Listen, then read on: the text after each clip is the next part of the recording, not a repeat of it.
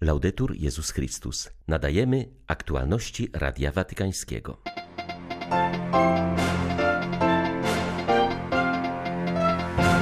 Papież życzył dzisiaj młodym ludziom, aby Chrystus był ich przyjacielem i towarzyszem drogi.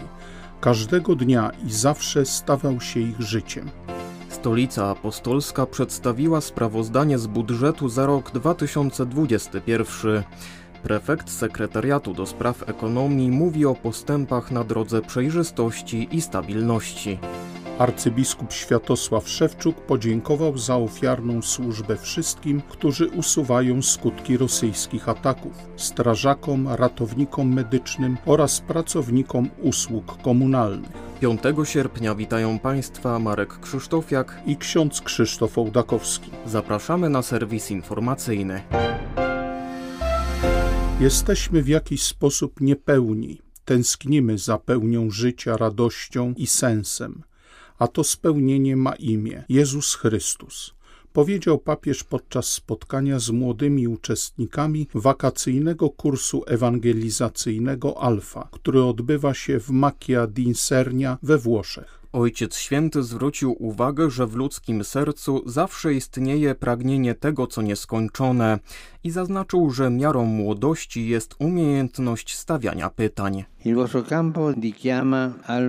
Wasz obóz nazywa się Alfa, tak jak metoda ewangelizacji, którą jest inspirowany. Chrystus jest alfą, czyli początkiem, ale jest też omegą, czyli końcem, spełnieniem, pełnią. Z Chrystusem ten mikrokosmos, jakim jest człowiek, może zostać uratowany z otchłani śmierci i może wejść w przyciąganie Boga, Boga życia i Boga miłości, ale trzeba iść za Nim, powiedzieć nie egoizmowi, skupianiu się na sobie, postrzeganiu siebie kimś więcej niż jesteśmy, być sobą, nie nadymać się, również nie zaniżać. To jest prawdziwa pokora. A w obliczu zła nie uciekać, nie uchylać się od rzeczywistości, ale wziąć każdy swoją część odpowiedzialności. Jezus mówi swój krzyż i nieść go z miłością, zawsze z Jezusem. On z przodu, a my za nim. Czas wyrzeczeń jeszcze się nie skończył, podkreśla prefekt Watykańskiego Sekretariatu do Spraw Ekonomii, komentując bilans Stolicy Apostolskiej za miniony rok. Deficyt wyniósł 3 miliony euro wobec spodziewanych 33 milionów. Ksiądz Juan Antonio Guerrero wskazuje zarazem, że w zarządzaniu watykańskimi funduszami potrzeba dalszej przejrzystości i zrównoważonego rozwoju. Prefekt sekretariatu do spraw ekonomii zauważa, że wyniki finansowe są lepsze niż oczekiwano ale przed nami bardzo niepewny okres, w którym trzeba zmierzyć się z wieloma problemami strukturalnymi i z zadowoleniem komentuje sprzedaż londyńskiej nieruchomości w przejrzysty sposób. Ksiądz Guerrero wskazuje, że przedstawiony bilans jest coraz bardziej skonsolidowany, przechodząc od działalności 60 podmiotów do 92. Podkreśla, że wprowadzane zmiany są tak dokonywane, by oszczędności nie szkodziły misji. W ubiegłym roku kuria rzymska miała deficyt 10 milionów euro, czyli o 56 milionów mniejszy niż rok wcześniej. Podejmowane są wysiłki mające na celu zwiększenie przychodów. Nie prowadzimy przedsiębiorstwa. Kryteria ekonomiczne odgrywają rolę względną. Gospodarka musi służyć, a nie rządzić, jak nalega Ojciec Święty, zaznacza ksiądz Guerrero. Codziennie atakowane są na Ukrainie obiekty cywilne i giną zwykli ludzie. To świętokradztwo przekracza już wszelkie granice zdrowego rozsądku.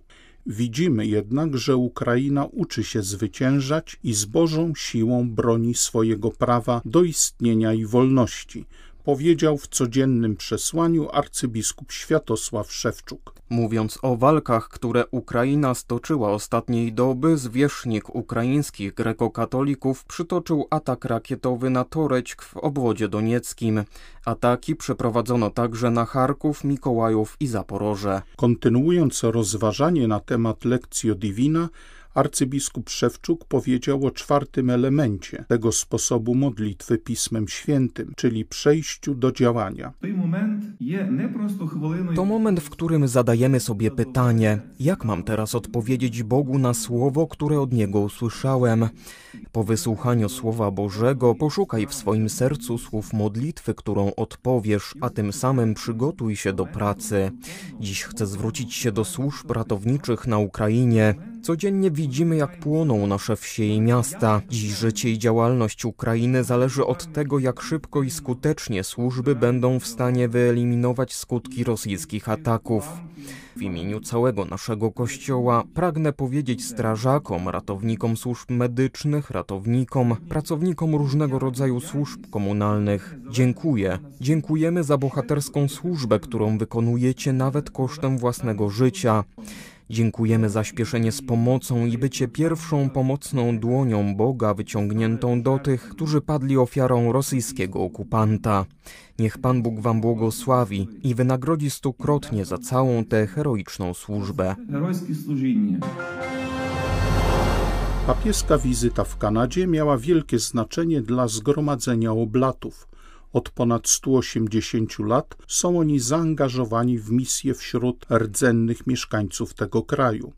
Im też powierzono prowadzenie wielu szkół rezydencjalnych. Jak przypomina w rozmowie z Radiem Watykańskim ksiądz Mark de Sirello, oblaci rozpoczęli proces pojednania z rdzenną ludnością Kanady już przed 40 laty. Już wtedy, wsłuchując się w świadectwa byłych absolwentów szkół rezydencjalnych, zakonnicy poznali ich dramat i zrozumieli, że zaangażowanie zakonu w ten rządowy program było błędem.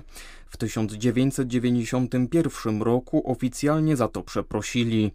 Ksiądz Desirello, który sam jest Kanadyjczykiem, z całą stanowczością podkreśla jednak, że celem szkół rezydencjalnych, a przynajmniej pracujących w nich oblatów, nigdy nie była eksterminacja tubylców. Musimy bezwzględnie podkreślić różnicę między historią szkół a naszą obecnością w parafiach i wioskach ludności tubylczej. W młodości poznałem braci, którzy wykonali ogromną pracę, by tworzyć słowniki języków tubylczych i przetłumaczyli całą liturgię na miejscowy język. Sam kilka razy jako misjonarz pełniłem posługę świąteczną lub wielkanocną w niektórych wioskach i tam od razu dało się zauważyć, jak bardzo ci ludzie doceniają naszą obecność. Oczywiście były też trudne chwile, nadużycia popełnione przez naszych braci. I nawet gdyby to był tylko jeden przypadek, to zawsze będzie to o jeden przypadek za dużo. Ale przyjaźń naszej rodziny zakonnej z tymi ludami jest niepodważalnym faktem. W Nikaragui nasila się wrogość władz wobec Kościoła katolickiego. W ciągu niespełna czterech lat odnotowano w tym kraju prawie 200 ataków na miejsca kultu i profanacji. Dane są zaniżone, gdyż kapłani często nie zgłaszają władzom nadużyć, ponieważ wiedzą, że nie przyniesie to żadnego rezultatu. Spektakularnym aktem prześladowania było wydalenie z Nikaragui nuncjusza apostolskiego, a ostatnio misjonarek miłości. Opracowanie na temat sytuacji w tym latynoskim kraju publikuje papieskie Stowarzyszenie Pomoc Kościołowi w Potrzebie. Obejmuje okres od wybuchu protestów przed czterema laty przeciwko rządowi Daniela Ortegi do maja bieżącego roku. Nie dokumentuje więc tak spektakularnych ataków na kościół w Nikaragui, jak zamknięcie katolickich kanałów telewizyjnych, prześladowanie prześladowanie biskupa diecezji Matagalpa czy bezprecedensowe wydalenie misjonarek miłości, które musiały pozostawić biednych i potrzebujących. Ta ostatnia decyzja nikaraguańskich władz spotkała się z powszechnym potępieniem w społeczeństwie.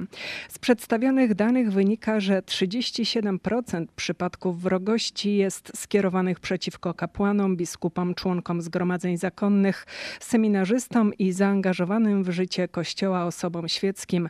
Natomiast natomiast 19% to profanacje miejsc kultu i przedmiotów liturgicznych. Odnotowano także rosnącą liczbę napaści, podpaleń oraz bezpodstawnego wtargnięcia na tereny należące do kościoła.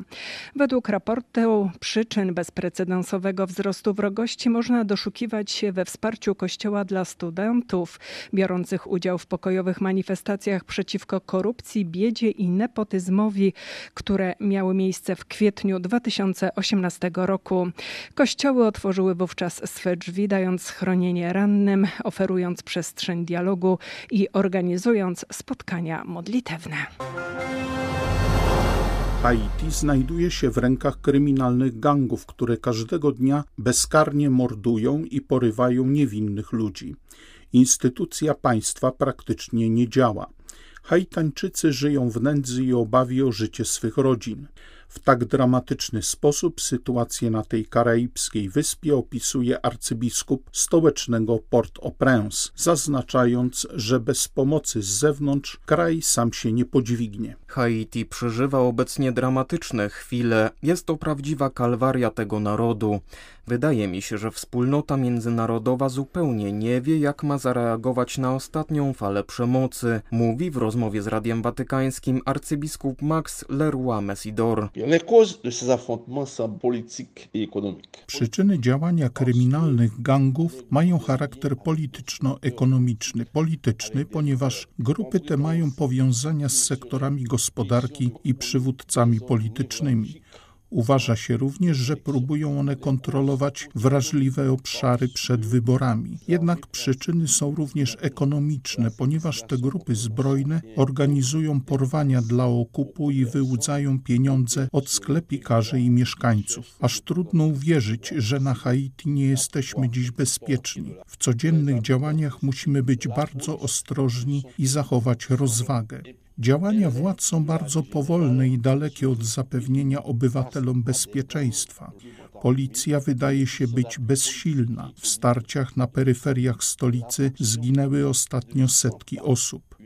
Trzeba działań mogących zaprowadzić pokój i sprawiedliwość. W pierwszym rzędzie gangi muszą być odcięte od dostaw broni. Oczekujemy bardziej zdecydowanych i energicznych działań ze strony władz.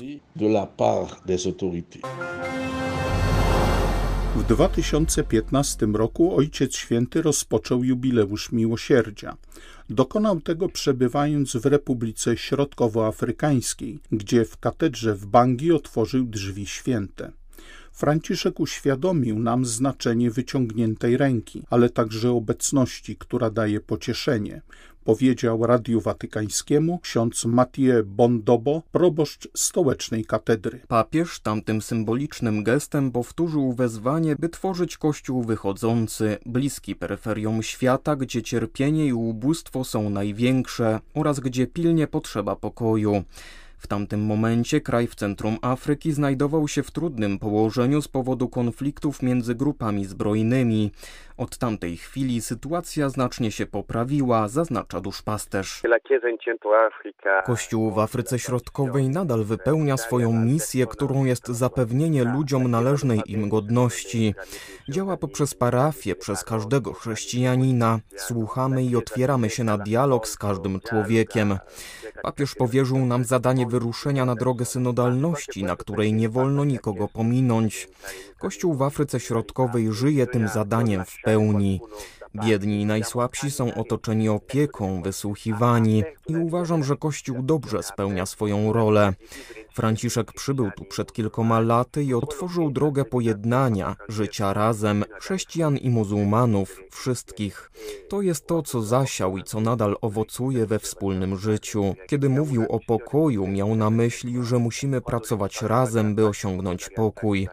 To nie praca jednej osoby, ale nas wszystkich. Były to aktualności Radia Watykańskiego. Laudetur Jezus Chrystus.